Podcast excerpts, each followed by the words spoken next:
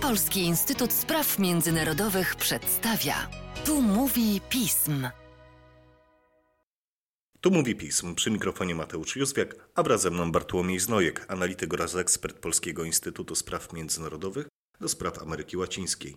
Dzień dobry Państwu, cześć Bartku. Cześć. Szanowni Państwo, 2 października odbyły się wybory generalne w Brazylii do Izby Deputowanych i częściowe do Senatu, do władz regionalnych, lokalnych oraz pierwsza tura wyborów prezydenckich. To całkiem dużo. W tym ostatnim głosowaniu nie doszło do rozstrzygnięcia, więc 30 października odbędzie się druga tura. Zmierzą się w niej obecny prezydent Jair Bolsonaro oraz Luiz Inácio Lula da Silva. Warto tutaj wspomnieć, że to prezydent, który rządził w latach 2003-2010. Zwycięzca obejmuje prezydenturę 1 stycznia 2023 roku i staje na czele nowego brazylijskiego rządu. Burzliwa kampania wyborcza zapowiada dość sporo napięć w Brazylii w najbliższym czasie. O co chodzi w tych wyborach, jaka jest stawka, jakiego rozstrzygnięcia możemy się spodziewać, porozmawiam właśnie z Bartkiem. Zacznijmy więc może od tego, czym wyróżniają się tegoroczne wybory.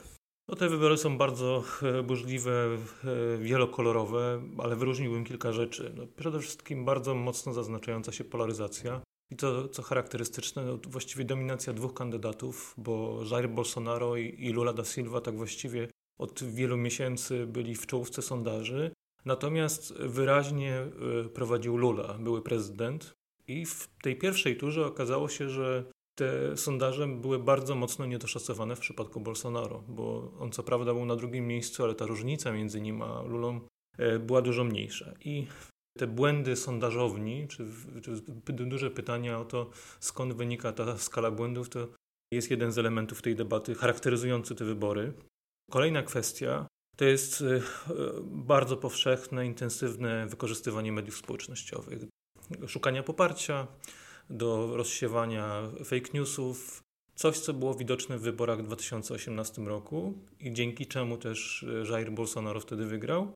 Coś, co teraz jest wykorzystywane dużo mocniej. Nie możemy tutaj odmówić tego, że media społecznościowe to kolejny najskuteczniejszy obecnie nośnik informacyjny, który jest w stanie wpływać na wyniki wyborów, ale też na kształtowanie opinii. Tak, to w media społecznościowe widać bardzo szybki rozwój w, w Ameryce Łacińskiej w ogóle.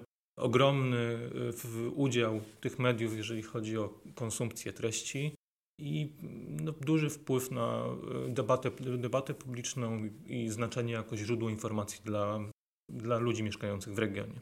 Natomiast e, jeszcze powiedziałbym o takich dwóch elementach. Jeden charakterystyczny to jest duża aktywność Federalnego Sądu Najwyższego, czyli tego naj, Sądu Najwyższego w Brazylii, gdzie sędziowie mają bardzo du duże kompetencje i widać, że na każdym kroku właściwie codziennie pojawiały się informacje, że blokowali na przykład y, możliwość rozpowszechnienia danego filmu jednemu kandydatowi czy drugiemu w związku z tym, że to była, była jakaś nieprawda. Więc ta, to zaangażowanie STF-u, bo to jest skrót od, tego, od nazwy tego sądu, to jest coś, co było bardzo widoczne i też budziło niepokój, na ile sędziowie mogą ingerować, ingerować w proces polityczny.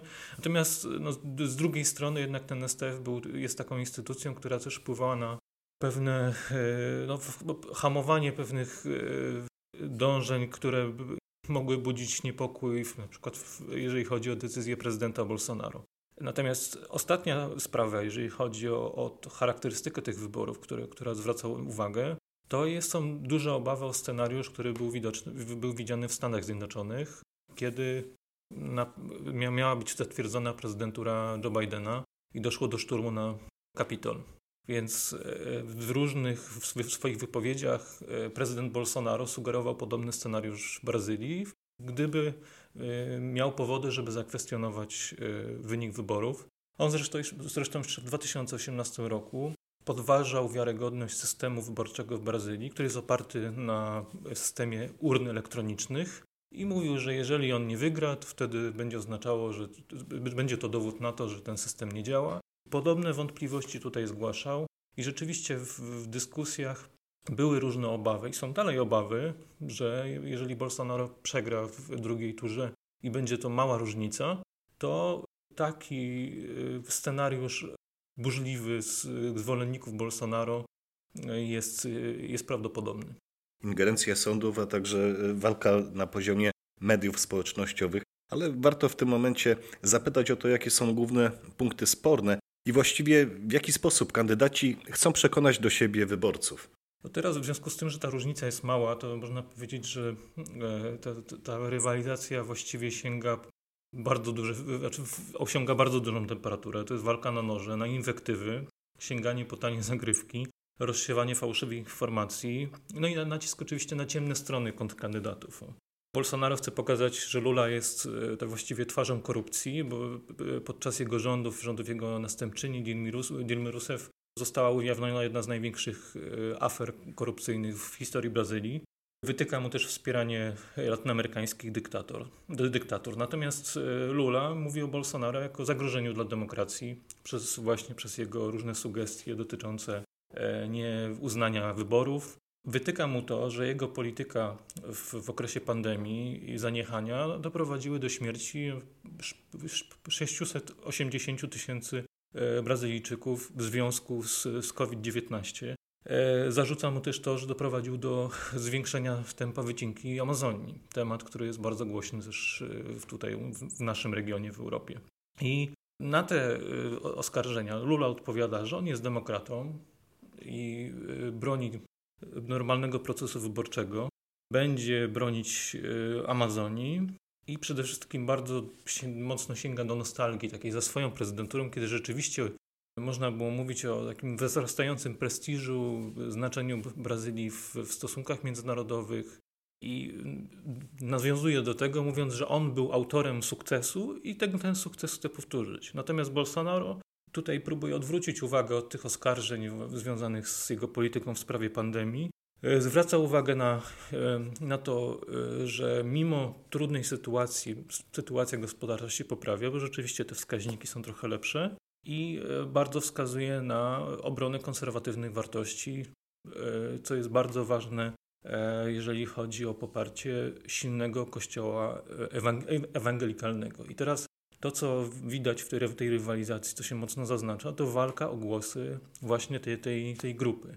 Bolsonaro od początku, właściwie jeszcze przy poprzednich wyborach, e, bardzo mocno identyfikował się z e, kościołem ewangelikalnym. Lula napisał list do ewangelików, żeby pokazać, że on też się z tym utożsamia, więc to jest bardzo ważna, ważny element e, rywalizacji. Natomiast też Lula chce pokazać, że jest tym, który jest blisko wykluczonych, biednych których jest to, to grono bardzo wzrosło w okresie pandemii w związku z trudnościami gospodarczymi. Był w, w faweli, żeby pokazać się z, z tymi ludźmi i też e, przedstawić taki kontrast, że Bolsonaro jest tym, który jest prorynkowy, broni interesów dużego biznesu, a niekoniecznie interesuje się losem e, najbiedniejszych. A rzeczywiście Bolsonaro, mimo e, tej krytyki związanej z polityką w, okresie, w sprawie pandemii, utrzymał taki wizerunek polityka prezydenta, który jest prorynkowy, który bardzo sprzyja biznesowi i jednak przyczynia się do tego, do, do rozwoju Brazylii. To też zauważa Lula, no bo jeden z tematów, który jest, do, dotyczy Brazylii, to jest kwestia umowy Mercosuru z Unią Europejską. Mercosur to jest organizacja integracji gospodarczej, regionalnej obejmująca Brazylię, Argentynę, Paragwaj i Urugwaj.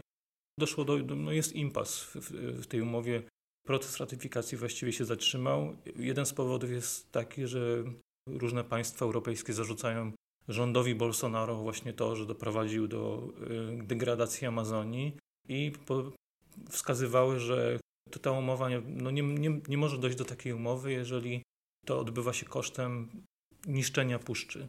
I Lula rzeczywiście z jednej strony mówił, że będzie chronił Amazonię, ale z drugiej chciał być ostrożny, jeżeli chodzi o umowę, żeby też nie podważyć swojego poparcia w, tym bardzo silnym sektorze rolno-spożywczym. Wygląda na to, że przed Brazylią bardzo dużo wyzwań. Wspomniałeś o kwestii Mercosuru, wspomniałeś e, o kwestiach związanych z Amazonią, ale no przecież to również standardowa kwestia budowania pozycji na arenie międzynarodowej. W związku z tym z jakimi e, wyzwaniami będzie musiał się mierzyć nowy rząd, oprócz tego, o czym mówiliśmy? Tak, no myślę, że przede wszystkim to będą wyzwania związane z, z trudną sytuacją społeczno-gospodarczą. Tak właściwie Brazylia od, od dekady zmaga się albo z wolnym wzrostem gospodarczym, albo ze stagnacją i ma problem z tym, żeby gospodarkę ożywić. Przyszła pandemia, później rosła inflacja w, związku z drożejącą energią i żywnością. Przyszła wojna Rosji przeciwko Ukrainie I w tych warunkach naprawdę ciężko Brazylii się jakoś wyjść na prostą. Jednocześnie w związku z tymi trudnościami pogarszała się sytuacja społeczna. Jak wcześniej udawało się redukować wskaźniki ubóstwa, niestety pod wpływem pandemii, w związku z ta sytuacja się pogorszyła. Między innymi podwoiła się liczba Brazylijczyków, którzy cierpią głód, bo to jest szacowane teraz na 30, 30 kilka milionów osób. To są bardzo duże liczby. Nowy rząd, czy to będzie rząd Luli, czy, czy Bolsonaro, będzie musiał się z tym zmagać i próbować jakoś znaleźć receptę na to, jak ożywić y, rozwój gospodarczy, jednocześnie rozwiązując problemy tych głębokich trudności społecznych. Druga rzecz, która, które, drugie, drugie wyzwanie, no to właśnie to, co wspominałem, ta polaryzacja bardzo głęboka polaryzacja. Nie wspomniałem jeszcze o tym, że no, podczas kampanii wyborczej to, ta polaryzacja nawet polegała na dużej agresji. By, były przypadki zabójstw y, przeciwników politycznych, więc to odzwierciedla to, jak, jest, jak głębokie są to podziały. I w wyniku wyborów parlamentarnych ta, te partie, które są bliżej Bolsonaro, uzyskały większość. W sytuacji, gdyby y, Lula był zwycięzcą będzie dla niego dużym wyzwaniem, żeby uzyskiwać poparcie w parlamencie, bo dla Bolsonaro byłoby to łatwiejsze. Wreszcie wyzwania w sferze międzynarodowej. To, co bardzo zarzucano, zarzuca się Bolsonaro, to jest zantagonizowanie partnerów międzynarodowych no, przez y, taką mocno konfrontacyjną retorykę, między innymi największych partnerów Unii Europejskiej, Francji, Niemiec w związku z Amazonią, y, Stanów Zjednoczonych po zmianie na stanowisku prezydenta, bo nie jest jakąś tajemnicą, że Bolsonaro właściwie próbował się wzorować na Donaldzie Trumpie. W momencie, kiedy Trump przegrał, to Bolsonaro długo tego nie akceptował i te relacje z administracją Bidena są dużo chłodniejsze. Doszło też do tego, że e, Bolsonaro był w Moskwie, spotkał się z Władimirem Putinem na krótko przed rosyjską inwazją, czym właściwie pomógł legitymizować e, przywódcę rosyjskiego i Zostało to przyjęte oczywiście krytycznie w Brazylii, ale były takie głosy, że Bolsonaro zrobił dobrze, bo e, nie poddał się presji m.in. Stanów Zjednoczonych, żeby zrezygnować z wizyty e, w Rosji w okresie takich napięć. Natomiast e, no, można się spodziewać, że gdyby Lula wygrał, to będzie kładł nacisk na to, żeby rozwijać współpracę w regionie z partnerami z, z Ameryki Południowej przede wszystkim. Czemu będzie ułatwiało to, że w wielu z tych państw są mm, rządy lewicowe, Bolsonaro, dla, dla, dla rządu Bolsonaro nie, nie są to dobre warunki do współpracy. On y, też y, miał różne spory, między innymi z Argentyną.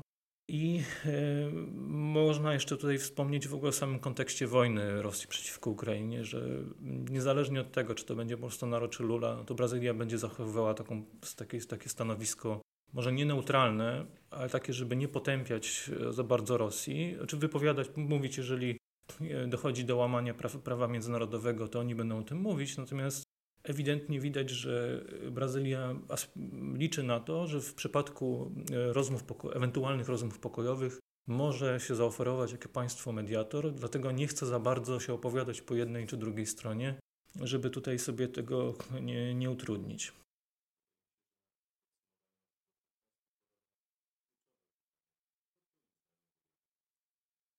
To nie jest takie łatwe, łatwe pytanie do odpowiedzi, dlatego że sondaże wskazują na to, że Lula ma największe szanse na prezydenturę, natomiast biorąc pod uwagę te duże błędy w sondażach, niedoszacowania w pierwszej turze, to wszystko jest możliwe tak naprawdę. Ten błąd y, statystyczny jest, jest taki, że, że może to pójść w jedną czy w drugą stronę.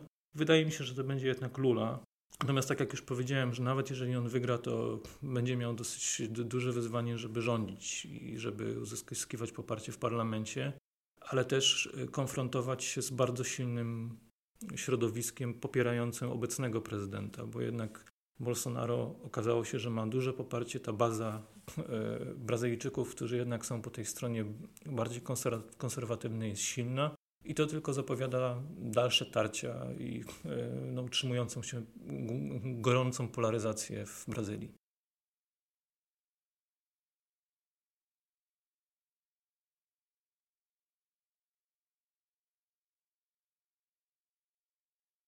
Dziękuję.